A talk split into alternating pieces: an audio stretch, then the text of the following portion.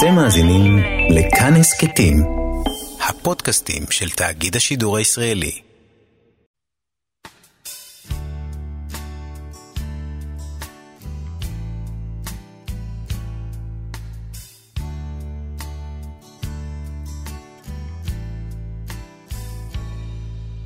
sorry.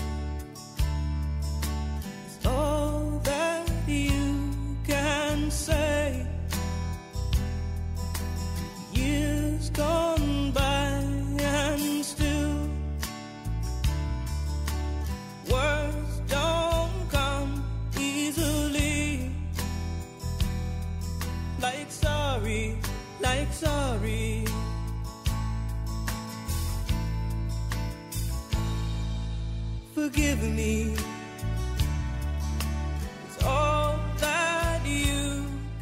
שלום לכם מאזינות ומאזיני כאן תרבות. ערב יום הכיפורים, זמן חשבון הנפש. באולפן שירי לב-ארי.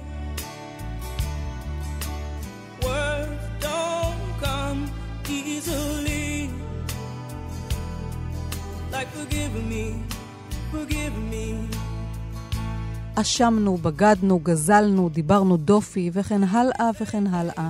רשימת החטאים האפשריים, מסודרת לפי האלף-בית, למקרה שפספסנו משהו.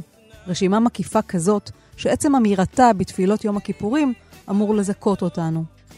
הספרות רוויה בחשבונות נפש, וידויים, כתיבה אוטוביוגרפית, מחשבות על העבר, מחשבות על העתיד ועל מה שדורש תיקון. אולי חשבון הנפש הספרותי הראשון שייך לקהלת בן דוד, שהיה מלך בירושלים, ובערוב ימיו הוא סוקר את חייו ומגיש את המסקנות במגילת קהלת היפה והמסקרנת, שנכתבה ככל הנראה במאה השישית לפני הספירה, ומיוחסת לשלמה המלך. קוראים בה מדי שנה בשבת של חול המועד סוכות. הגדלתי מעשיי, כותב קהלת, בניתי לי בתים, נתתי לי כרמים, עשיתי לי גינות ופרדסים, קניתי עבדים ושפחות, ובני בית היו לי. גם מקנה בקר וצאן הרבה היה לי, מכל שהיו לפניי בירושלים. כנסתי לי גם כסף וזהב וסגולות מלכים והמדינות, עשיתי לי שרים ושרות ותענוגות בני האדם, שידה ושידות, וגדלתי והוספתי מכל שהיה לפניי בירושלים. ופניתי אני, בכל מעשיי שעשו ידיי, ובעמל שעמדתי לעשות. והנה, הכל הבל ורעות רוח, ואין יתרון תחת השמש. מאז קהלת נכתבו עוד כמה וכמה וידויים ספרותיים, חשבונות נפש שהועלו על הכתב, לצד חקירות לוגיות פילוסופיות על משמעות חיי אדם. היום בתוכנית נעסוק בכמה טקסטים כאלה. הווידויים של אוגוסטינוס, וידוי של טולסטוי, וגם כאן בספרות העברית ברנר, יעקב שבתאי, פנחס שדה. ניגע גם ב auto-fiction של ימינו, ובסופרים עכשוויים שעושים חשבון נפש פומבי, כמו ג'ונתן פרנזן האמריקאי, או קרל אובה קנאוסגורד הנורבגי. האזנה נעימה.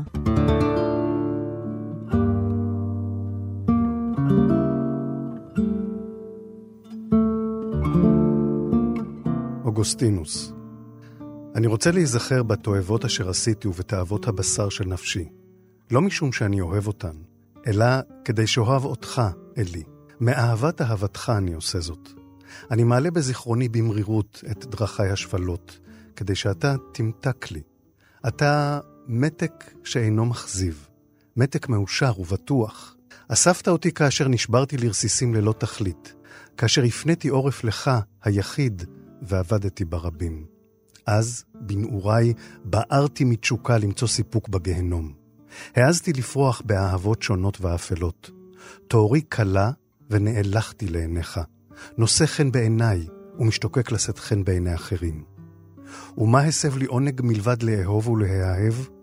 לא הקבלתי את עצמי ליחסי נפש לנפש בתחומיה המזהירים של הידידות. עדים עלו מביצת תאוות בשרי ומנעוריי המבעבעים. העכירו את ליבי וערפלו אותו עד שלא הבחנתי עוד בין בהירות האהבה לאפלת היצר.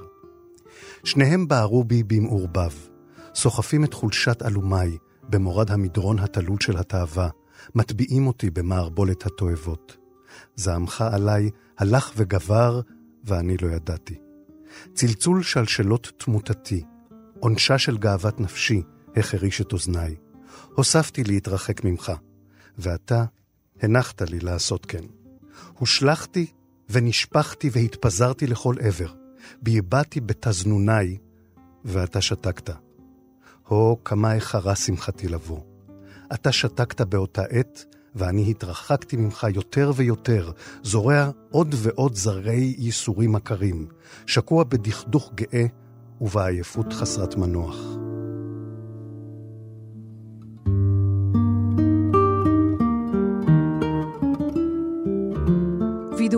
סדרת חיבורים שכתב אוגוסטינוס בשנת 397 לספירה, שם הוא מפרט את חטאי נעוריו ואת הרהוריו התיאולוגיים. אוגוסטינוס היה פילוסוף ותיאולוג נוצרי, מאבות הכנסייה ואחד האישים המשפיעים ביותר על הנצרות. הוא נולד בפרובינציה הרומית נומידיה, בצפון אפריקה, היום אלג'יריה, ובגיל 17 הלך ללמוד בקרתגו לטינית ומדעים. אוגוסטינוס ניחן בכישרון כתיבה יוצא מן הכלל, כתב יותר מ-230 חיבורים, והנודע שבהם הוא וידויים. את וידויים תרגם מלטינית לעברית הפרופסור אביעד קליינברג. שלום אביעד. שלום, שלום. אתה לפני כך וכך שנים תרגמת מלטינית את הווידויים של אוגוסטינוס, טקסט מאוד מאוד חשוב בתרבות המערב, בהגות, בפילוסופיה, בספרות המערבית. איש שמחליט בגיל 34 לשבת ולכתוב וידויים, אבל הווידויים שלו, כמו שאתה כותב בהקדמה, הם עניין קצת מטעה. זאת אומרת, במקומות שהוא מתאר סערות רגשות, הוא דווקא הכי מחושב. הוא ככה ממלכד את הטקסט כדי להביא אותנו הקוראים לאהוב אותו, להזדהות איתו, ודרך זה אולי להרביץ בנו קצת מסרים תיאולוגיים. כן, אני חושב שזה נכון, אבל uh, אולי כדאי להתעכב לרגע על המילה וידויים. המילה קונפסיו, קונפסיונס בלטינית, פירושה גם וידוי, כלומר אה, כשאתה הולך ומגלה למישהו אחר משהו שהיה סודי עד אז, זה המונח שבדרך כלל אנחנו משתמשים בו למילה וידוי. הווידויים יש לה שתי משמעויות. המשמעות אחת זה באמת, זה לגלות משהו סודי, בדרך כלל משהו רע, שאתה אומר למישהו אחר, זה מה שאנחנו חושבים בדרך כלל כשאדם הולך לוידוי, או אדם מתוודה על חטאיו כמעט תמיד, אנשים לא מתוודעים על זה שהם אה, נהדרים. המשמעות השנייה של המילה קונפסיות זה הודעה במובן של כמו להודיע, אני התחתנתי עם איקס, או אני עכשיו השופט האחראי על אזור נתניה. עכשיו, הווידויים הם גם זה וגם זה. זאת אומרת, אוגוסטינוס גם קודם כל מודה בעצמו, במעשיו השונים, שחלקם רעים וחלקם פחות רעים, ובעיקר מנסה לדבר על אלוהים. באיזשהו אופן לבטא בספר שלו איך מעשיו של אדם, הצלחותיו, כישלונותיו, ובעיקר דרכו מן הרע אה, אל הטוב, הם דברים שנעשו באמצעות, אה, באמצעות האל. לכן צריך לזכור שבניגוד לווידויים שאנחנו מודרניים, הטקסט הזה לא מיועד רק אה, לספר לנו סיפור נורא אישי על אוגוסטינוס, הוא נועד לספר לנו סיפור הרבה פחות אישי על אלוהים, כשאוגוסטינוס משמש פה בעצם כסוג של דוגמה, וזאת גם ההצדקה לכתיבת הספר. זאת אומרת, מבחינתו של אוגוסטינוס, הוא משמש כסוג של כל אדם, כדוגמה שבאמצעותה ובאמצעות סיפור חייה, אנחנו יכולים להבין משהו שמבחינתו הוא חשוב יותר מאשר הסיפור האישי שלו, כלומר, הדרך שבה אלוהים פועל עלינו. עכשיו, זה קשור לדברים שאת, שאת אמרת, שירי. זאת אומרת, כשאתה שואל את עצמך, בשביל אוגוסטינוס, מהם הדברים המשמעותיים שאלוהים עושה דרכנו? והדברים המשמעותיים שאלוהים עושה דרכנו, הדרך המשמעותית שאלוהים פועל דרכנו, היא באמצעות, באופן פרדוקסלי, לא באמצעות המידות הטובות שלנו שניתנות על ידי האל ומאותו רגע פשוט אה, אנחנו עושים את הטוב, אלא באמצעות כיוון עדין, מוזר לפעמים, אה, פרדוקסלי לפעמים, של התשוקות החוטאות שלנו, שמובילות אותנו למבואות סתומים, כשהאל מראה לנו שמהדבר הזה אנחנו נגיע למבוי סתום, ומהדבר הזה נגיע למבוי סתום, ורק אם באיזשהו אופן נצליח לוותר על מה שאוגוסטינוס רואה כחטא הגאווה, כלומר על התחושה שאנחנו נצליח להסתדר לבד, אנחנו לא צריכים עזרה של אף אחד, גם אם יש לנו חטאים אנחנו נתקן אותם. ברגע שאתה מבין שזה לא מספיק, שזה לא עוזר, אז באיזשהו אופן מתחולל תהליך תרפויטי, כי זה מה שהווידואים של אוגוסטינוס עושים. זה לא רק התהליך של לחשוף, אלא זה תהליך תרפיה שאתה חווה אותו יחד עם המספר. תראה, בדרך כלל בעולם העתיק, הסיבה לכתוב על עצמך הייתה שאתה איש מאוד חשוב. זאת אומרת, אתה איש חשוב, אם אתה קיסר, אז אתה כותב, עשיתי ככה ועשיתי ככה והייתי פה. אם אתה פילוסוף נורא חשוב, אתה יכול לכתוב על עצמך. עכשיו, אוגוסטינוס לא, אין לו את הטענה הזאת אפילו לרגע, הוא לא טוען שהוא איש חשוב. בדיעבד מסתבר שהוא איש יותר חשוב מהקיסרים, אבל כשהוא חי, הוא עדיין לא חושב שהוא איש חשוב. מה הוא כן חושב? הוא חושב שאלוהים פועל בכל אחד ואחד מאיתנו, לא רק באמצעות האנשים הגדולים. אלוהים לא מתעניין רק בקיסרים, אלוהים מתעניין גם באביעדים ובשיריות ובאוגוסטינים. אם אתה מסתכל על הדרך שבה אלוהים פועל באמצעותנו, אתה יכול להבין משהו גם על העולם, אבל גם על נפש האדם. ככה מבחינה זאת, אוגוסטינוס פחות חשוב לו שאנחנו נדע מה החטאים שלו. זאת אומרת שהיו לו תשוקות מיניות בגילי התבגרות, כל הדברים האלה מבחינתו הם פחות חשובים מאשר להבין את המנגנון, את מערכת ההפעלה שמפעילה אותו. המערכת הזאת, אם אנחנו לא נזהרים, מובילה אותנו שוב ושוב לקיר. והקיר הזה זה המקום שבו אלוהים איננו, זה המקום שבו אלוהים הוא לא חסד אלא דין.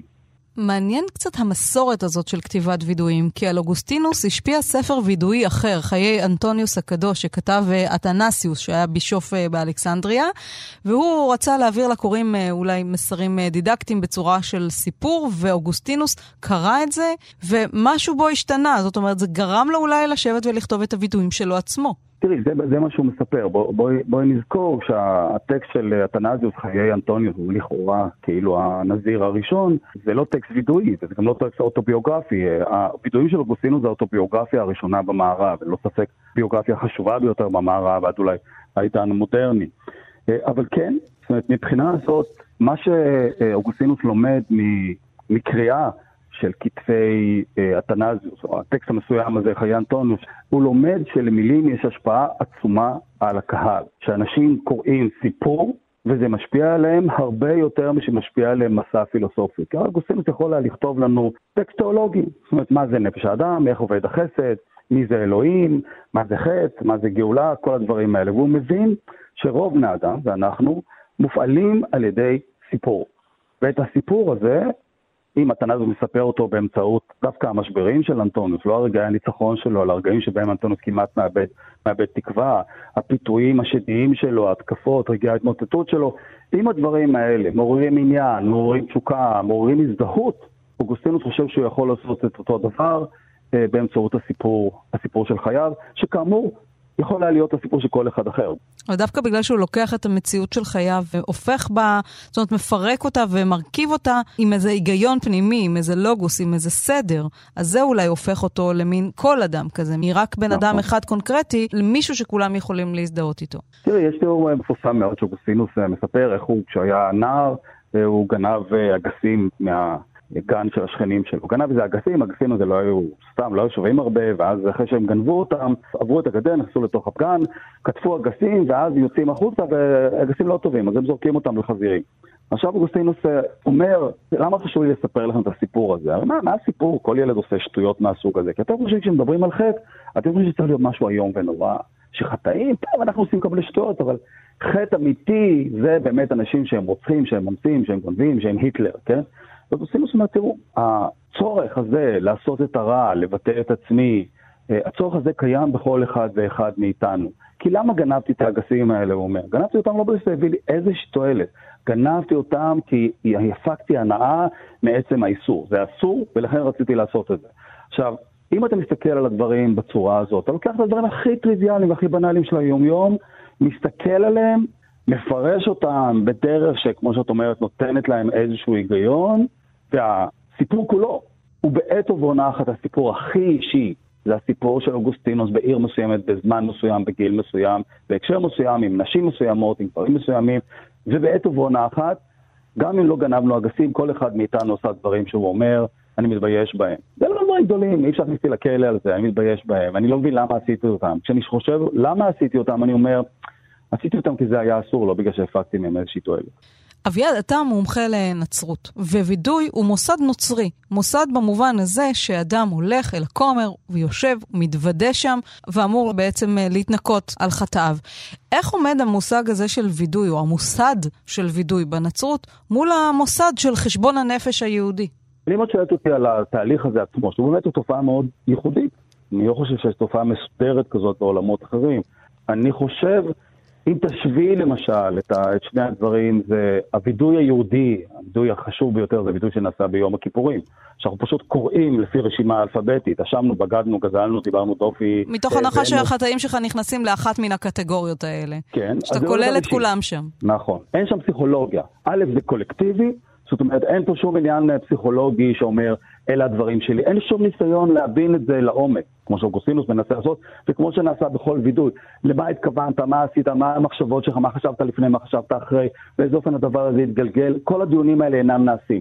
זה קריאה מתוך רשימה, ובסיומה של הרשימה, הקהילה מעניקה לעצמה מחילה טוטאלית. כלומר, כל החטאים, כפי שהופיעו בתוך הרשימה הזאת, נמחקים על ידי עצם העובדה שאנשים הגיעו, אה, הגיעו לבית הכנסת וקראו את הרשימה יחד עם, אה, עם האחרים. עכשיו, בתוך העולם הנוצרי זה, זה פשוט, אה, זה נתפס כדבר מוזר ביותר. כולל העובדה שאת יודעת, יום הכיפורים אצלנו מכפר על מוחק חטאים שבין אדם למקום ולא בין אדם לחברו. בעולם הנוצרי, הדבר הכי קשה למחוק זה חטאים שבין אדם למקום. משום שאנחנו כולנו חוטאים לאל, וזה הרבה יותר חשוב מהחטאים שאנחנו, הקטנים שאנחנו מסוגלים לעשות זה לזה. אז אם את שואלת מה, מה ההבדל פה משני הדברים, בשני המקומות יש פה איזשהו, איזושהי הכאה על חטא, יש פה איזה אקט של חרטה ויש בסופו של דבר מחילה. ההבדל הוא שבתוך העולם היהודי הקהילה מרגישה בוטחת בעצמה, מרגישה שהיא יכולה לתת לעצמה מחילה, בתוך העולם הנוצרי מתפתחת פסיכולוגיה שמבוססת כולה על, על חרדות, על אי אמון, על רצון לחטט בנפש כדי להיות בטוח שאתה כן לחלוטין בדברים שלך, אה, על, על הסתרה, משום שהאקט הווידוי הוא אקט סודי, זוכרת שאסור גם, גם לכהן אסור לגלות אותו לאף אחד אחר, כן. ועל איזשהו אלמנט של חוסר ודאות, משום שאתה לא יודע אם הכהן ייתן לך מחילה. אולי כן ואולי לא. ואולי גם, כמו שאמרת, אביעד, הפוקוס היהודי הוא על החטאים שבין אדם לחברו, שם החרדה הגדולה, ואילו הפוקוס הנוצרי הוא על החטאים של בין אדם לאלוהיו. בהחלט. אוגוסטינוס בעצם מבחינתו, הוא מבצע תהליך תרפויטי, אנחנו עברנו על זה במהירות. הוא תרפיסט שמבצע סשן תרפויטי שבו המטפל מדבר והפציינט שותק. הפציינט הקורא, זה מה שחשוב לאוגוסטינוס. הוא לא חשוב, הוא כבר יודע את הדברים האלה, הוא לא צריך לספר אותם מחדש. גם אלוהים יודע את הדברים האלה. התהליך שהוא מנסה לעשות זה מטפל שמדבר על עצמו, הרי אצלנו זה הפוך, המטפל אף פעם לא מדבר על עצמו. רק הפציינט מדבר, המטפל שואל שאלות, אה, עוזר, גורם לך לחשוב על אבל לא מדבר על עצמו. עכשיו פה הוא אומר, אני מדבר רק על עצמי. אתה שותק, אתה לא אומר כלום. ומה שירפא אותך, זה לא התהליך שבו אתה תבין בעצמך, אלא התהליך הבלתי נאמר. אני לא יודע הרי מי שומע אותי, אני לא יודע מי קורא אותי באופן עקרוני, אבל אתה, אני אצליח לגרום לך לתהליך של הזדהות שהוא כזה, שאתה תטפל בעצמך. אני חושב שהתהליך הזה זה תהליך מדהים. אני חושב שהרבה פעמים אנשים מסתכלים על אוגוסטינוס וחושבים עליו כאילו שהוא היה, את יודעת, אה, רוסו. זאת אומרת, מישהו שמגלה את כל הטינופת של החיים שלו. זה לא העניין של אוגוסטינוס. א', הוא לא מגלה את כל הטינופת של החיים שלו, וב', זה ממש לא חשוב. זאת אומרת, אה, עוד טינופת, פחות טינופת, זה לא העניין. העניין זה מה זה עושה לקורא. זה, זה ספר שבו, שוב, המטופל שותק. והוא מקווה שבסופו של דבר המטופל עובר תהליך בלי שהוא יגיד מילה אחת. פרופסור אביעד קליינברג, תודה רבה לך על השיחה הזאת, וגמר חתימה טובה. גמר חתימה טובה גם לך, שירי.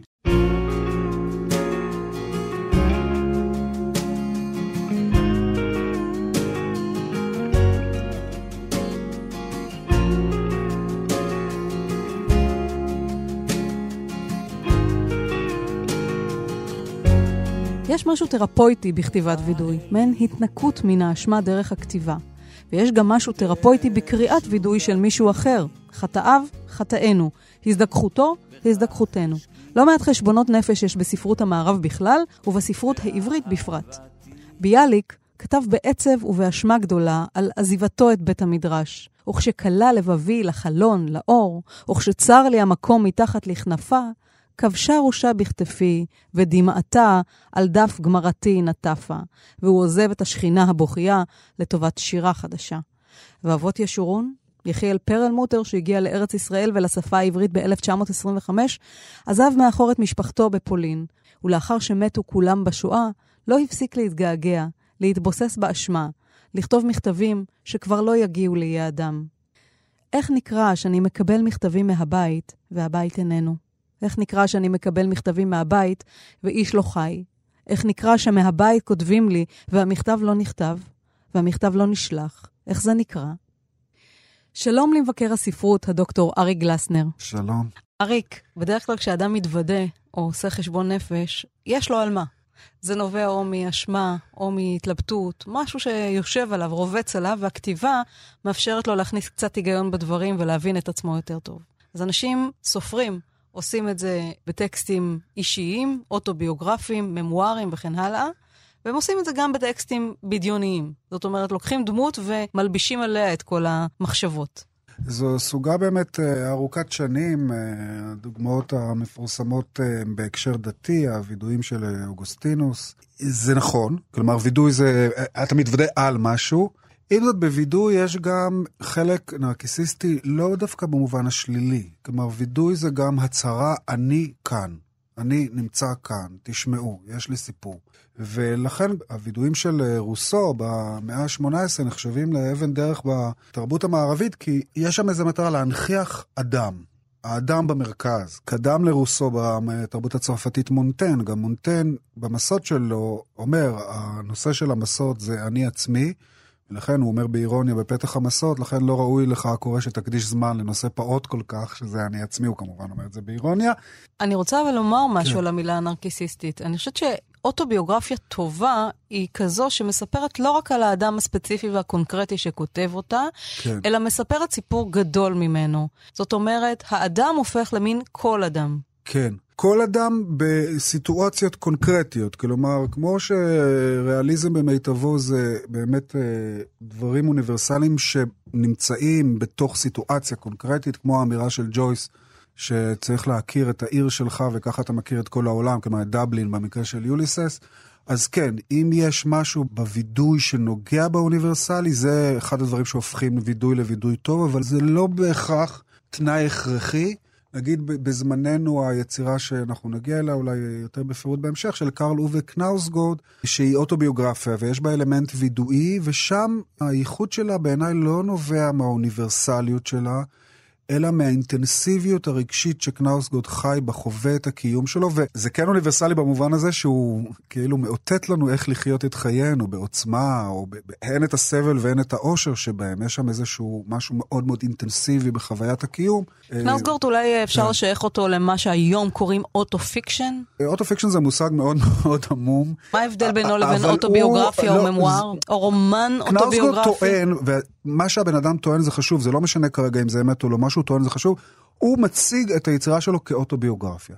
auto-fiction זה אמירה שהיצירה הזאת היא דמוית אוטוביוגרפיה, אבל יש בה גם יסודות בדיוניים. בדרך כלל כשאומרים auto-fiction, מתכוונים למשהו כזה שזה ביוגרפיה עם סטיות מה... בעצם הכותב אומר, זה, זה סוג של ממואר, זה סוג של אוטוביוגרפיה, אבל אני כאן משחק עם החומרים. כמו שעמוס עוז תמיד הגדיר את סיפור על אהבה וחושך שלו, כרומן אוטוביוגרפי, כסיפור. נכון, אבל אה, בסיפור על אהבה וחושך, אני חושב שההצגה לא אמרה, יש כאן רכיבים שלא קרו. וכשאנשים אומרים auto-fiction, ברוב המקרים, הם בעצם מאותתים שחלק מהדברים לא קרו. שיש כאן אה, שינויים ווריאציות. מכוונות ה... אולי. מכוונות, כן, כן, מכוונות. fake news, fake fiction. כן, כן.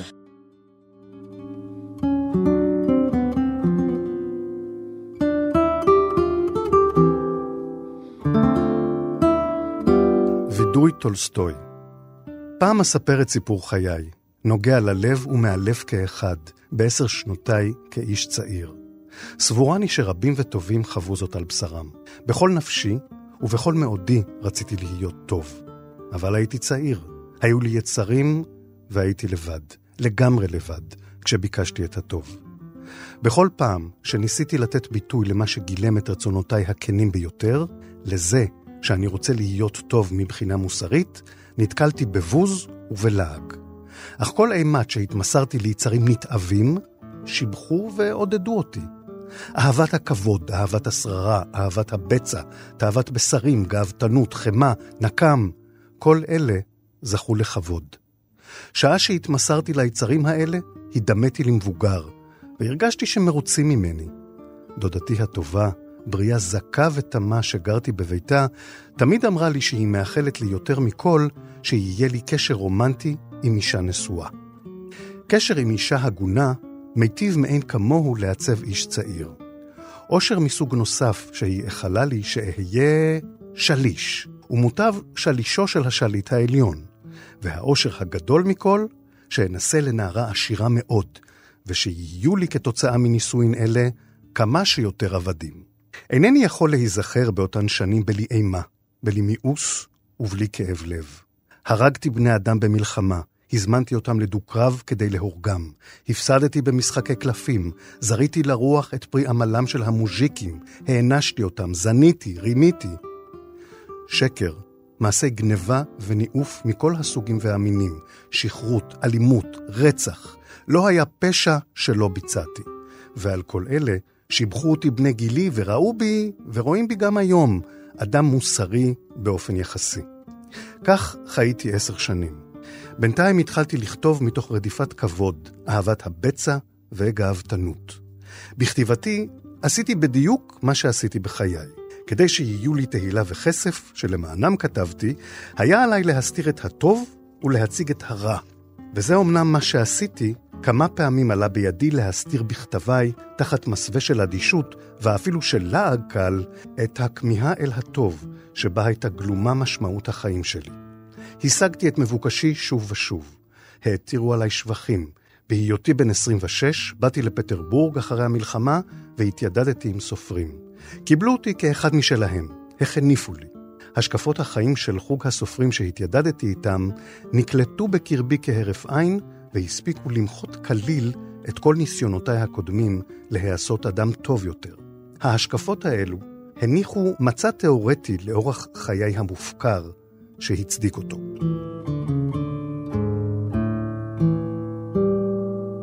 ממואר אמיתי של טולסטוי, וידוי, כן. שהוא כותב ב-1882, זה מתחיל כן. כשאלות קיומיות. כן, הטקסט הזה בעצם, אה, הוא מדבר על החזרה בתשובה של טולסטוי, שהוא חזר בתשובה לאיזה וריאציה אישית של הנצרות. אישית, הכנסייה הפרבוסלבית החרימה אותו. וריאציה שהיא מתמקדת בעיקר בענייני מוסר, בין בני אדם לבני אדם, בין בני אדם לחיות, כולל צמחונות. ומה שמעניין שגם לקורא חילוני, ואני אה, קורא כזה, היא מעניינת ביותר. מכיוון שהוא, יש לטולסטוי, כמו שאנחנו יודעים מהפרוזה שלו, יכולת להראות בצורה פשוטה את הבעיות הבסיסיות של הקיום. הוא מדבר על זה שמגיל אה, צעיר, מה שבא במקום האמונה הדתית, הוא בעצם אומר, זה אמונה בשכלול עצמי. כלומר, בשאפתנות. שאפתנות, כל אחד צריך להגשים את עצמו. זה מאוד מזכיר דברים שאנחנו מכירים היום. והוא מדבר על זה שהשאפתנות הזאת בהתחלה היא, היא נשמעת מאוד טוב, להגשים את עצמך, אבל בעצם הוא אומר, מאחוריה אה, הסתתרה הרצון להאפיל על בני דורך. כלומר, שאתה תהיה יותר מאחרים, זה מה שהניע את בני האדם, וכך הוא מתאר ברנר, שגם הוא קשור לספרות הווידוי, כתב על טולסטוי שיש שם קצת הגזמה בהכאה על חטא שלו, על עצמו, אבל כך הוא מתאר את הבחירה שלו בספרות. הוא אומר, ראיתי שאני טוב בזה, קיבלתי על זה שבחים, ולכן התמדתי בזה, ואז הוא אומר, בגיל 40 פלוס, תקף אותי משבר רוחני, והוא מספר על המשבר הזה, והוא אומר, הייתי אז בשיא כוחי, וזה נכון, טולסטוי היה הסופר החשוב ביותר באירופה, לא רק ברוסיה. באותה תקופה, זה אחרי מלחמה ושלום, זה פחות או יותר במקביל לצאתה של אנה קרנינה. ופתאום הוא במשבר הוא אמצע משבר החיים. רוחני שאומר שעשו- שהרחקתי מעצמי רובים וחוטים כדי שאני לא אתלה את עצמי, כדי שאני לא אירע בעצמי, ואז הוא, הוא מתאר את המשבר הזה, הוא אומר, פתאום הבנתי, מה זה חיי אדם? אנחנו צועדים לקראת העין, לקראת המוות. הוא אומר, יש ארבע אסטרטגיות בלבד להתמודד עם אימת הקיום, עם חרדת הקיום. אחת זה הכחשה, אתה פשוט מכחיש את זה שהחיים עומדים להיגמר. השנייה זה התמכרות לתענוגות, הוא קורא לזה אפיקוריזם, כלומר שם אה, אפיקורס. אכול ושתו כי מחר נמות, כלומר איזה הסתמכות על התענוגות. האופציה השלישית זה ייאוש, כלומר אתה ממשיך לחיות, אתה יודע שהחיים הם צועדים לקראת העין ואתה ממשיך לחיות. דיכאון. והאופציה הרביעית זה התאבדות. כאילו, אתה מבין את זה ומתאבד. הוא משתמש במשל שהוא קורא לו משל מזרחי, זה משל גאוני, הוא אומר, מה זה החיים בעצם? זה כמו אדם שנרדף אחרי חיה ונופל לתוך בור, ובבור אה, למטה מחכה לו המוות, והוא נאחז באיזה ענף של עץ בדופנות הבור, באחד מדופנות הבור, ו... הוא רואה ששני העכברים, לבן ושחור, מתחילים לכרסם את העץ. אבל בכל שהוא- זאת הוא נאחז. בכל זאת הוא נאחז, וממול יש יערת דבש אה, של דבורים, והוא מלק... מוציא את לשונו ומלקק את, ה... את הדבש מפי הדבורים, למרות שהוא יודע שעוד מעט הוא נופל לתהום. הוא אומר, זה החיים, העכבר הלבן והשחור זה היום והלילה, הימים. אנחנו יודעים שאחריתנו מוות, ואנחנו מתענגים על הטיפות דבש האלו. חרדה הקיומית הזאת, אומר טולסטוי, החזירה אותו אל הדת. עכשיו, אז רגע, אז הדת זו האופציה החמישית? כן, כן, כן. הדת לפיו היא האופציה החמישית. עכשיו, טולסטוי בן אדם מתוחכם, ושוב אני אומר, אני, אני קורא אותו כבן אדם חילוני, הוא הוא לא מוכיח לך שיש אלוהים. הוא אומר שפשוט ללא אמונה דתית אי אפשר לחיות, לפי תפיסתו. כלומר, זה צורך קיומי, זה מזכיר כל מיני דעות היום שאבולוציונית, הדת הייתה הכרחית אבולוציונית לאדם, זה לא איזה, בגלל שלא ידעו אה, האדם הוא חיה להסביר. דתית כחלק כן, הוא חיה מהישרדותו, הוא דתית, חייב כן. להאמין שיש משהו גדול ממנו. כן, כן, כן, ו, ויש לו גם אה, בווידוי הזה גם לעג להבטחות הכוזבות של המדע, כי הוא אומר, מה, מה זה עוזר לי שמסבירים לי על uh, מולקולות, על? מה זה עוזר לי כאילו ל- לשאלות הקיומיות הבסיסיות של החיים?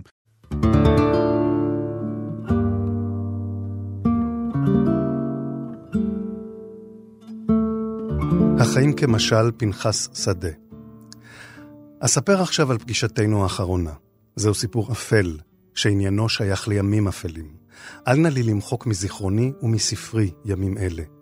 באפלה זורע אלוהים את זרעי החיים. לאחר הלילה ההוא ניסיתי לשוב ולהשיג מחדש את איילה, אך כבר היה ברור שהכל אך לשווא הוא. אבדה ממני הרוח המרוממת ששרתה עליי אז. רוחי ירדה מטה. לא חסכתי מעצמי שום כלימה. הייתי הולך ושב והולך אל איילה, מתדפק על דלתה, נכנס ברעדת לב ומתחנן לפניה כי תשוב אליי. כי תחוס עליי, כי איני יכול עוד לעמוד בכל זה. ואפילו לא היה לי די מרץ לאמור זאת במילים. לרוב הייתי יושב בקצה האחד של החדר ומתבונן בה, היושבת בקצה השני. בעליות לרגל אלה חשתי מין מתיקות מוזרה, מין עושר מוזר. משפט אחד מתוך כה אמר זרטוסטרה צף בזיכרוני. אם הולך אתה אל הנשים, אל תשכח את השוט. מה זה שאתה נאה דורש ולא נאה מקיים? שאלתי את עצמי באירוניה, וגמרתי אומר להבין הפעם את הכתוב על דרך הפשט. היה בוקר שבת אביבי, יפה להלל, כשעשיתי את דרכי בפעם האחרונה אל איילה. שמש רכה שפכה את זוהרה על האבנים הלבנות. כשעברתי על פני חורש זיתים, התעכבתי וכתבתי ענף אחד. הסירותי את העלים ובחנתיו. כן, הוא היה גמיש וחזק כדי להוכיח באמצעותו את חוכמת הפילוסופים. כשנכנסתי לחדרה של איילה, מצאתי שם בחור אחד. בבואי קם הלה והלך לו. פתחתי ודיברתי אל איילה. איילה, אמרתי, אני מתענה בעינויים קשים, ואני חדל אונים כתינוק, מכיוון שרגשותיי ניצחו אותי לגמרי. איילה נענתה ברטינה של קוצר רוח. ביקשתי כי תרשני ולו רק לראותה בלבד מדי פעם בפעם. היא לעגה לי. אז אמרתי, טוב, אולי תביני שפה אחרת. הניפותי את השוט, והייתי הולך ומצליף על גופה, על ידיה, על רגליה, הצלף וחזור, חזור והצלף. היא לא צעקה. בתחילה משום שהייתה נדהמת, אבל אחרי כן התפשט על פניה חיוך מוזר, חיוך של כניעה. הוספתי להצליף עליה, אך לא הרגשתי בליבי לא זעם, לא הנאה, לא שום רגש כלל. והרגשתי כי לא היא הייתה זו אשר אליה עליתי לרגל, דרך מדורי שאול כל אותם הימים. היא אך שכבה כבובה, נטולת נפש, לאחר תום הצגת תיאטרון הבובות. פניתי לצאת. כשהגעתי לפתח, קראה אחריי וביקשה שאשאיר לה את השוט. זאת הייתה הפעם האחרונה שבה ראיתי את איילה. הזמן חלף. שמעתי שנישאה לאיש ועברה לעיר אחרת. לאחר זמן, שמעתי שהייתה לאם.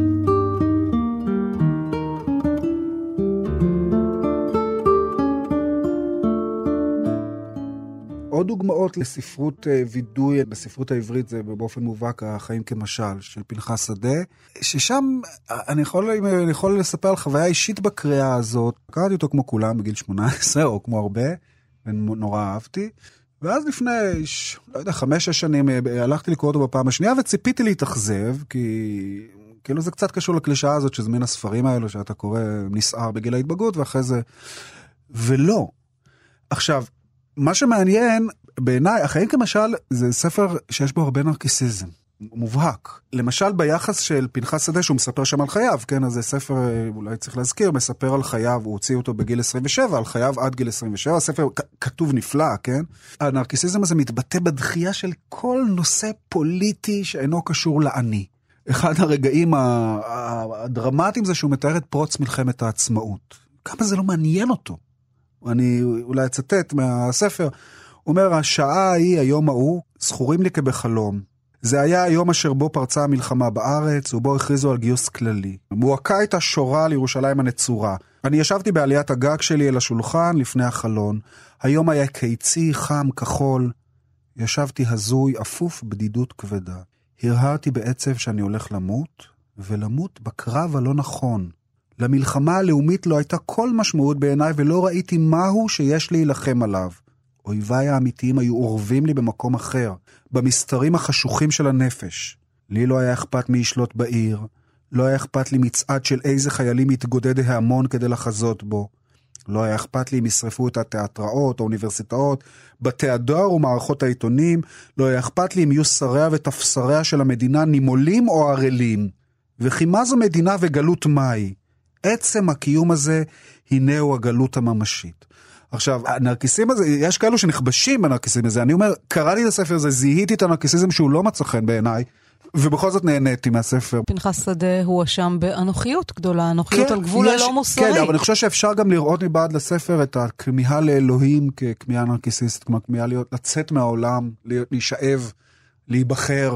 ועם זאת, יש משהו בהתעקשות הזאת של אה, פנחס שדה על האני, משהו נורא נורא משחרר, כי אנחנו צריכים לזכור שכמו שיש לנו דחפים גדולים לאנוכיות, יש גם דחפים גדולים למחוק את עצמנו. החברה רוצה את זה, המשפחה רוצה את זה, מסיבות מוצדקות, למחוק כן? ולהאחיד אותך כן, עם, כן, עם כן, כל השאר. כן, כן, כן. אז אה, לזה אתה קורא למחוק. כן, כן, למחוק, למחוק את כן, הייחודיות, כן, לצ- את המקומות שבהם כן, אתה יוצא מהשורה. וגם להיות חלק מקבוצה, בהתחלה מיקרו קבוצה של המשפחה, אחרי זה מיקרו קבוצה של החברה. והווידוי הזה של פנחס שדה מזכיר לנו את ה... יש את הפיוט שאומר שימו לב אל הנשמה, כן? לשים לב אל, ה... אל החיים הפרטיים. ויש בו משהו מאוד קטרטי, כלומר כאן הווידוי הוא לא הקהה על חטא, כאן הווידוי הוא הצהרה, אני פה.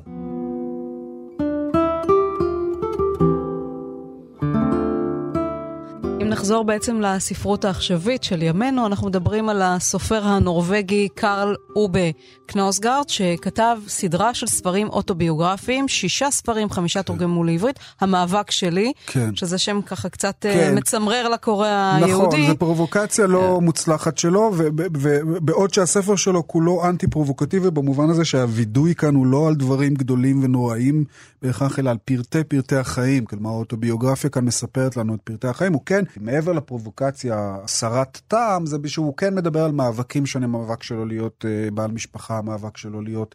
אה, מול אבא שלו, המאבק שלו להיות סופר. אה, הנישואים שלו, כן, שהיו הנישואי, וקרסו. הנישואי, כן, כן. מה שהטקסט הזה מעניק, אני כאילו ניסיתי בנוסחה להסביר את הייחוד של הסופר הזה. תשמע, הוא נורא הצליח בעולם. זה כן, תורגם כן, להמון כן. שפות. מה, כן. אתה יודע, אגב, אדם אפרופו- יושב, כותב את עצמו לדעת, נכון. לא יודעת כמה גלונים נכון. של אלכוהול הוא שותה בדרך, כן. וכולם קוראים את זה. נכון, למה? אבל, אבל הוא לא, קודם כל אני אומר רק משהו, דיברנו על auto-fiction, למשל בצרפת הוא לא הצליח, כי תפסו אותו כ auto-fiction, ושם זו אופנה אה, רווחת, אז לא הבינו לא מה להאמין החידוש. לו, הם לא רצו, זאת אומרת, auto-fiction במובן שהם לא מאמינים לו. לא, הם לא הבינו מה החידוש. הם תפסו את זה כ auto-fiction, כלומר לא כאוטוביוגרפיה נטו, כמו שהוא מציג את זה. אלא כאוטוביוגרפיה אלא בדיונית. כאוטו- בדיונית, וזה טוב, זה יש לנו מלא, אז לכן בצרפת למשל לא הצליח, אבל במקומות אה, אחרים בעולם זה הצלחה פנומנלית. עכשיו, לא כל אחד יכול לכתוב את, ה, את היצירה הזאת, בגלל שקנאוסגורד חי באינטנסיביות בלתי רגילה והוא בעל זיכרון מפלצתי. הוא זוכר את הפרטים, והוא חי את הקיום בצורה מאוד מאוד אינטנסיבית, ככה שהוא מושפע מקרן שמש שחודרת לחדר. מטעם של אוכל, כל המערכת שלו מושפעת מזה, ויש לו גם את הזיכרון לתאר את זה אחר כך, כן? אז החוויה שם של שהקיום היומיומי הוא קיום בעל משקל, הוא קיום בעל תנודות רגשיות עזות, ויש בזה הרבה הרבה קסם, כמו משדל אותנו אל הקיום, ב- ב- איך שהוא חווה את הקיום בצורה הזאת, אז כלומר זה וידוי קלאסי גם במובן הזה שהוא מדבר למשל על איך הוא, כשהוא משתכר הוא פשוט מאבד את הצפון, כלומר הוא עושה שטויות. הוא נהיה אלים הוא וכולי, וזה לא המוקד של היצירה הזאת, זה, זה בשוליים, ו- אבל אני כאן הייתי רוצה דווקא שיהיה יותר מתוודה קלאסי שיגיד חטאתי, פשעתי, סליחה על הצדקנות.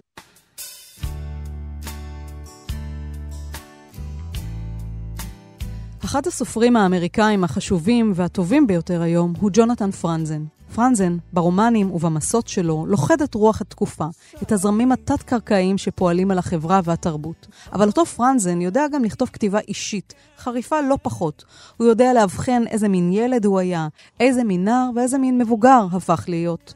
זה בא לידי ביטוי ביתר עוצמה בממואר שכתב, אזור האי-נוחות. שלום לסופרת ולמבקרת הספרות שרון קנטור. שלום, שירי, מה שלומך? מצוין. אנחנו מדברות היום על ג'ונתן פרנזן, סופר שאני אוהבת לאהוב. ואת? אני גם אוהבת לאהוב, אז זה קצת אבל uh, שומט הקרקע מתחת לתיאוריה שלי. לא, סתם, אנחנו לא מדגם מייצג.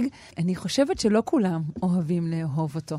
הוא כל יכול. אני חושבת שאנשים נרתעים קצת מכל יכולות הזו שלו. יש לו הרבה מאוד uh, יכולות, זה נכון, והוא גם מודע להן, ויש לו uh, איזשהו ביטחון עצמי, ואפילו יוהרה. כן, אפילו יוהרה. אבל בספר הזה, שעליו אנחנו מדברות היום, אזור האי-נוחות, שזה ספר uh, של קובץ ממוארים, כותב על עצמו די ביושר, uh, לא מחמיא לעצמו איפה שלא צריך, ושם אפשר יותר אולי לראות את החולשות שלו. אני כן נהניתי מהספר, הרגשתי שגם כשהוא כביכול שופט את עצמו, משהו במבט העל שלו לא מאפשר באמת לחמול עליו. אני, אני ראיתי אדם, דרך הכתיבה שלו, אה, יהיר, חרד, מודע לעצמו, וראיתי בו חבר ספרותי. כן. אז בספר הזה, אזור האי-נוחות, אה, פרנזן מספר על הילדות שלו בסנט לואיס, על בית אביו ואימו, שאותו הוא היה צריך לפנות אחרי מותם, על אחים שלו, על החוויות בתנועת הנוער אחווה של הכנסייה המקומית, על הנישואים שלו וכישלונם. זה למפחדים מהדתה. אנחנו כן. צריכים להגיד שגם פרנזן היה בתנועת הנוער הקתולית. זה קצת כמו צופים כזה, סלאש בני עקיבא. זה יותר בני עקיבא, כן. כן. וכמובן על הנישואים ועל הכישלון של הנישואים, על אהבתו לצפרות, הסביבתנות, אבל זה טקסט באמת, אני חושבת, כן חושפני וכן נוקב, גם עם עצמו וגם עם החברה שהוא חי בה. כמו כל הכתיבה שלו. שאני חושבת שהיא תמיד כזו, גם, כש, גם כשהיא לא ממוארית. היא תמיד אה, נוקבת והיא תמיד אה, חובקת. זאת אומרת, תמיד יש מבט אה, מהפרט אל החברה. זה אף פעם לא רק אחד מהם. אז הוא מתחיל עם הילדות שלו. הוא כותב על הבית של אימא שלו, שכשהוא מפנה אותו, הוא מבין שזה בעצם הרומן של חייה.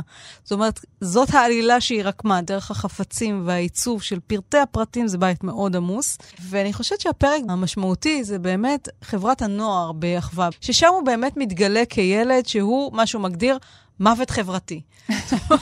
חנון שמתעניין במדע, שכותב חיבורים ארוכים, שנהנה לקרוא ספרים, והוא צריך כל הזמן להסתיר את זה, הוא כן. נאבק במישהו כדי לא לסבול מבדידות. כן, ושהוא לא יודע מה זה אוננות, נכון? הוא לא יודע, הוא, הוא תוהה מה זה מה שהם מעשנים שם, נכון? הוא לא, הוא לא יודע באמת כלום, אבל צריך להגיד שהוא לא מודחק לתחתית החברה בגלל זה, הוא כן צף. הוא לא ממש ממש אה, דחוי. ושהדמות הזו שלו בעצם יושבת כן על הילד שפגשנו קודם, שהוא ילד שהוא בראש ובראשונה חרד מאוד, מפחד מכל דבר, או כמו שהוא אומר אבל, ויותר מכל, מהוריי. ואולי המילים האלו יותר מכל הן, הן לא המילים הנכונות, כי קודם כל מהוריי, נכון? אנחנו מתחילים בעצם מהפחד מההורים, ומשם אני חושבת שנזרע אה, הפחד מהדברים האחרים. פחד כזה גם אה, שזור באשמה. הוא מתאר אה, אה, מאוד יפה את, ה, את האשמה האינסופית, שבעצם הוא חש כלפי כל דבר. זה קטע מאוד מצחיק. הרגשתי אשם ברתיעתי מחיבוקיה של אמי, כשהיה נראה שנזקקה להם נואשות. הרגשתי אשם כלפי המגבות בתחתית הערימה בארון המצעים. המגבות הישנות, הדקות יותר, שלא הרבנו להשתמש בהן. הרגשתי אשם על שהעדפתי את גולות הצליפה הטובות ביותר שלי.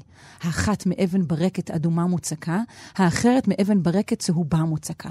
המלך והמלכה שלי, על פני גולות שמוקמו נמוך יותר במדרג הגולות הנוקשה שלי.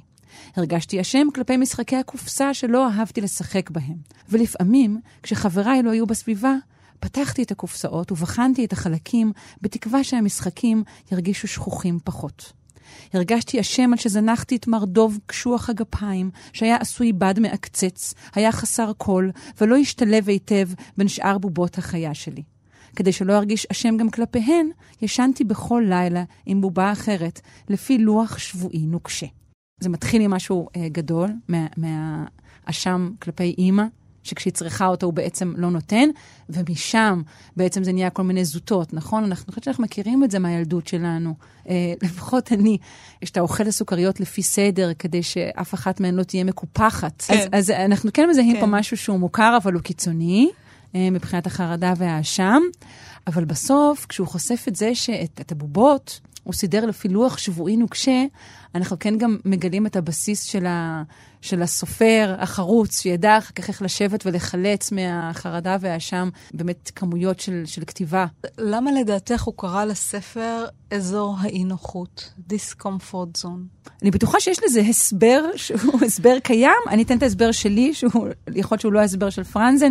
אזור האי-נוחות הוא אזור היצירה. הוא האזור שממנו הדברים יוצאים, ה- אה, אבן הנגף ש, שבנעל, איפה שלא נוח לך, משם אתה בעצם אה, יוצא למסע הכתיבה הגדול. אני חשבתי על זה שאתה, כדי להיות כן עם עצמך, אתה חייב לעבור דרך האזורים האפלים יותר, אזורי העיוורון, וכאשר אתה ער להם, אתה באמת חש אי נוחות. כשאתה עושה חשבון נפש, אתה עובר דרך האזורים הלא נוחים האלה. נכון, ואולי גם זה משהו על הספר עצמו, שהוא ממואר ולא רומן, ויכול להיות שהוא גם רומז על כך שנוח לו יותר את ההסתה הזו לדמויות אה, אה, בדיוניות, והנה פה לא. ציינו קצת שפרנזן, בעצם, זה אפילו חלק מהביקורת כלפיו. נגיד, כשכתבו על התיקונים, אז אמרו, הדמויות האלו לא אמיתיות, הן בעצם רק דמויות סימבוליות. בעצם פרנזן עושה בהן אה, שימוש כדי אה, לכתוב את, אה, את שקיעת המערב. אבל אני חושבת שהוא באמת, באמת מרגיש ככה, הוא באמת אה, חווה את, את עצמו ואת ההיסטוריה הפרטית שלו כמקבילה אה, להיסטוריה הכללית, אה, לשינויים שעברו על אמריקה ולשקיעת המערב, ולמעשה בספר הזה הוא כותב את זה בצורה מאוד מאוד ברורה. באמת בפרק שציינת על הבית של אימא שלו, באמת ההיכל הזה, שהוא דבר כל כך פרברי. שהבית הוא בעצם הראי של האדם, בניגוד אולי לבית העירוני שהוא לא כזה, אז זה מה שהוא כותב. ככל שהוריי הזדקנו, ואחיי ואני נמלטנו מהמרכז הגיאוגרפי והשתקענו לאורך החוף, כך נמלטה המדינה כולה מהמרכז הכלכלי, והגיעה לשיטה שבה האחוז העמיד ביותר של האוכלוסייה לוקח לעצמו 16% מכלל ההכנסות, לעומת 8% ב-1975. אלה ימים נפלאים להיות מנכ"ל אמריקני, ימים קשים לעובד בעל ההכנסה הנמוכה ביותר של אותו מנכ"ל. ימים נפלאים לוולמארט, ימים קשים לעומד בדרכה של וולמארט. ימים נפלאים לקיצוני המבוסס, ימים קשים למורד המתון. נפלא להיות קבלן בתחום הביטחון, גרוע להיות מילואימניק. מעולה להיות בעל קביעות באוניברסיטת פרינסטון, מפרך להיות מרצה מן החוץ בקווינס קולג'. נהדר לנהל קרן פנסיה, עגום להזדקק לה. טוב מתמיד להיות כותב רבי מכר, קשה מתמיד להיות באמצע רשימת המכירות. לקראת הסוף הוא, הוא גם כן uh, מכניס את עצמו uh, בתור הפריבילג שהוא יודע שהוא. הוא אומר, כן, אני במקום טוב, אבל אני גם מזהה את, ה, את המהלכים האלו ובעצם uh, מודה בכך ועל כך שאני במקום טוב. אז זה האשמנו, חטאנו, בגדנו שלא. זאת אומרת, אני פריבילג כן, כן. במובן הזה. כן, בהחלט. כל מה שהוא כותב, הוא כותב מהעמדה הזו, שגם היא, אם דיברנו על זה שאנשים לא אוהבים לאהוב אותו, זה חלק מהעניין. הוא באמת כל כך הגבר הלבן הפריבילג, וזה באמת אה, בגלל החדירה של, של אה, פוליטיקת זהויות לאופן שבו אנחנו צורכים את כל האומנות וכל הספרות שלנו, זה כן אה, בעוכרי אהדה אה, לפרנזן. שוב, עדיין במרכז אני חושבת שרוב האנשים אה, מודעים אה, לגדולתו. כן. זה לא שהוא נטול חוט שדרה. אני חושבת שהוא אוהב את מי שהוא, אבל הוא מודע לאיך שמסתכלים עליו. הוא באמת מרגיש אשם על זה? אה, זאת שאלה טובה. יש לו איזו אה, תנודה כזאת בין להרגיש אשם ובין להחזיר מלחמה. התנודה הזאת, השאלה הזאת ששאלת עכשיו, הוא באמת? זו השאלה של, של סופרים אמיתיים. כי בגלל שתמיד יש גם את, ה, את ההוא שצופה מן הצד, אז אף רגש הוא לא במאה אחוז. כי יש גם תמיד את זה שרואה את הדברים והופך אותם ולש אותם כבר לכלל חומר ספרותי. אז כן. לא, הוא גם אשם וגם יודע שזו דרכו של עולם, ומזהה פה את הרגע הספרותי הכללי. הזכרת סביבתנות, אה, שבאמת אה, מוזכרת, הוא, הוא מגלה את הציפורים באמת מתישהו בחייו, ונהיה ממש צפר קיצוני שאינו יכול שלא לעצור בשולי הכביש ולרצות להכיר עוד ועוד מינים, נכון? אבל גם בדבר הזה, הרי סביבתנות, על אף שבעצם אה, אפשר לומר שהעניין הזה הפך לעובדה מוגמרת. נושא האקלים והעובדה שכולנו בעצם ראוי היה שנהפוך לסביבתנים, אז מכיוון שפרנזן היה שם קודם, אפשר להגיד שזה גם כן דבר שנובע בעצם מאשמה. הראשונים לזהות הם בעצם אלו שאפשר להגיד שאזור האשמה שלהם פתוח. יש קטע, הוא הרי, אורח החיים שלו באמת, הוא תמיד היה סביבתן, וגם אין לו ילדים, אבל יש קטע אין לו ילדים. מתוך בחירה, מתוך בחירה. כדי, מתוך בחירה ומתוך אידיאולוגיה כן. של צמצום הצפיפות על כדור הארץ. כן, כן, אני לא, זה, זה בתוהר, הוא, הוא, יש לו, הוא כותב על זה, אני חושבת, נכון? נכון? אז אה, פה הוא כותב אה, ככה: בדרך כלל כשאני בניו יורק, אני מקפיד לרסן את המודעות שלי לסביבה. האידיאל מבחינתי הוא להגביל אותה לאותן עשר דקות בשנה, שאני כותב בהן את ההמחאות משככות האשם שלי לאגודות כמו הסיירה קלאב. אבל המסר של גור, היה, של אל גור, כן? הוא הלך להרצאה שלו, היה כה מטריד, עד שרק כאשר כמעט הגעתי לבניין שלי, הצלחתי לנסח בראשי כמה טיעונים שכנגד. למשל, האם איני תורם ממילא יותר משתורמים רוב האמריקנים למאבק בהתחממות הגלובלית? לא הייתה לי מכונית, התגוררתי בדירה חסכונית מבחינה אנרגטית במנהטן, אני ממחזר מסור. וגם, האם לא נכון שמזג האוויר הערב קריר באופן יוצא דופן לראשית חודש מרס? ובכלל, הדירה שלי מוקמת גבוה בקומה העשירית. כשנכנסתי, שום ילדים לא באו לקראתי בריצה. והיעדר זה של ילדים כאילו סגר את הדיון אחת ולתמיד. מוטב שהוציא את תקציב החרדה שלי על מחלות נגיפיות ועל הפצצות מלוכלכות, ולא על התחממות גלובלית. הרי גם לו היו לי ילדים, היה לי קשה לשכנע את עצמי לדאוג להשפעת האקלים על איכות החיים של ילדי ילדיהם. העובדה שלא היו לי ילדים שחררה אותי לגמרי. העובדה שלא היו לי ילדים הייתה קו ההגנה האחרון, הטוב ביותר שלי, בפני אל גור ודומיו. אז תראי, זה כאילו מקום כל כך אישי, העל-הורות הזו, וכמה זה כללי, וכמה זה גם סרקסטי. את אה, מדברת על תחושות אשמה וחשבון הנפש הסביבתי והחברתי-פוליטי, ואני שואלת את עצמי, אם לא, בתחתית כל הדברים שלו, שוכנת האשמה הזאת כלפי ההורים שלו, ובמיוחד כלפי האימא שלו, כלפי זה שהוא יצא מהמערב התיכון, זנח מאחוריו את כל הערכים של המערב התיכון, של החיים המסודרים, של להיות מין ירא שמיים או אובר מוסרי, להתחתן בגיל צעיר, ללדת ארבעה ילדים, לחיות בפרבר, כן, זה- להיות איש עמל, והוא הלך לחיות חיים של אינטלקטואל, לא הקים משפחה במובן המסורתי. ואני חושבת, יש איזה קטע באחד הקטעים הראשונים בספר, שהוא מתאר איך ההורים שלו באים לבקר אותו במחנה. כן. כן. של תנועת הנוער, והם מביאים לו חבילה עם כל מיני דברים טובים, ושני נערים גונבים לו את החבילה, והם פותחים שם את הפתק, ועל הפתק הם רואים שהאימא כתבה לו הקדשה, ג'ונתן יקירי. כן. והוא כל כך מתפדח מזה, כל כך מפחד שיעלו עליו, שיזהו אותו עם אותו ילד תפנוקים, ג'ונתן יקירי. אז הוא נכון. כותב ככה. צבתי על עקביי ורצתי בחזרה למעבה היער, ושם פניתי לתוך ערימת עלים והשתוכחתי בחשיכה. מבחינתי, המחנה היה עכשיו אסון רשמי. ועם זאת, הייתה נחמה מסוימת בכך שאנשים באחווה קראו לי ג'ון, לעולם לא ג'ונתן. ככל שיכלו הבחורים הקשוחים לדעת, ג'ונתן יקירי היה יכול להיות כל אחד. אם רק אמצא דרך לחמוק משני הגנבים במשך כל סוף השבוע, אולי לא יגלו לעולם את ארוחתו של מי אכלו. נכנסתי לחדר מאוחר, בראש שפוף, ונדחסתי בצד המרוחק של המעגל, שם היו לי חברים. הוא כל כך מתנער מהג'ונתן יקירי של אימא שלו. אני חושבת שאולי זה שוכן בתחתית הזאת, בבסיס של האשם שלו, שהוא אחר מהם. גם וגם. זאת אומרת, נכון מה שאת אומרת, שהאשמה שלו היא על זניחת אורח חיים באמת הפרברי, המידווסטי, הכל אמריקאי הזה, אבל אני, הוא, הוא כל הזמן מקפיד לומר מההתחלה כמה אהוב הוא היה. הוא היה ילד מאוד מאוד אהוב על ידי כל משפחתו. מה שהוא מנסה לומר לנו זה עד כמה האהבה הזו, קבלת האהבה הזו, כמה היא קרובה לאשמה. כמה היא כשלעצמה מייצרת את כמויות האשמה. אה, ילד אהוב פחות, שהיו תולים בו פחות תקוות, היה גם חש פחות אשמה. הדבר הזה צומח פשוט בד בבד. אגב, כל הפרק הזה ומה ש, שקראת, זה, שוב, פרנזן עושה איתו איזה מין הילה כזאת קצת כבדה, אבל זה ממש, זה נכון, זה היה צריך להסריט את זה, זה ממש, זה, זה קטע כל כך אה, ויזואלי, הקטע הזה שם במחנה הקיץ. הוא מתחבא, בורח מפני החבילה ששלחה לו אימא שלו, ומקווה שלא מזהים אותו עם הדבר הזה, זה כל כך מצחיק. שרון קנטור, תודה רבה לך על הדברים האלה. תודה רבה, שירי, והכרה מהנה בחטאינו, או גמר חתימה טובה, גמר כמו חתימה שאומרים. טובה. תודה. המוכר והידוע, המובן מאליו, מקופל בחדרים שלי בלב, מסרב להיכנע לכאב, משבוע לשבוע. עד כאן תוכנית מיוחדת לערב יום הכיפורים, על חשבונות נפש ספרותיים. תודה לפרופסור אביעד קליינברג, לדוקטור ארי גלסנר ולשרון קנטור.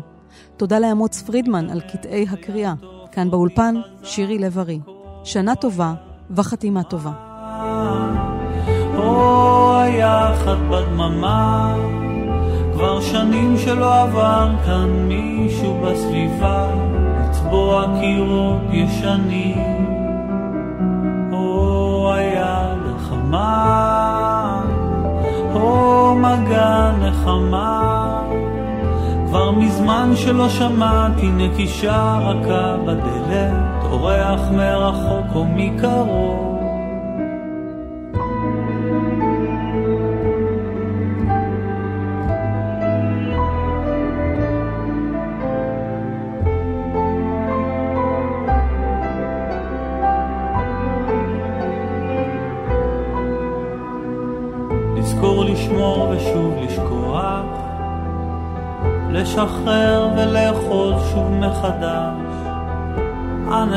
כמוני שהפכו קשים, מאשימים את העולם לבדידותם. אין מקום אחר לברוח, בעמידה מהצד. התבוננות אל הפרטים הכי קטנים. אין סיבות טובות להתעורר עכשיו,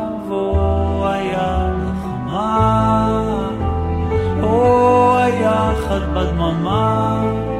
כבר שנים שלא עבר כאן מישהו בסביבה, לצבוע קירות ישנים. או היד החמה, או מגע נחמה.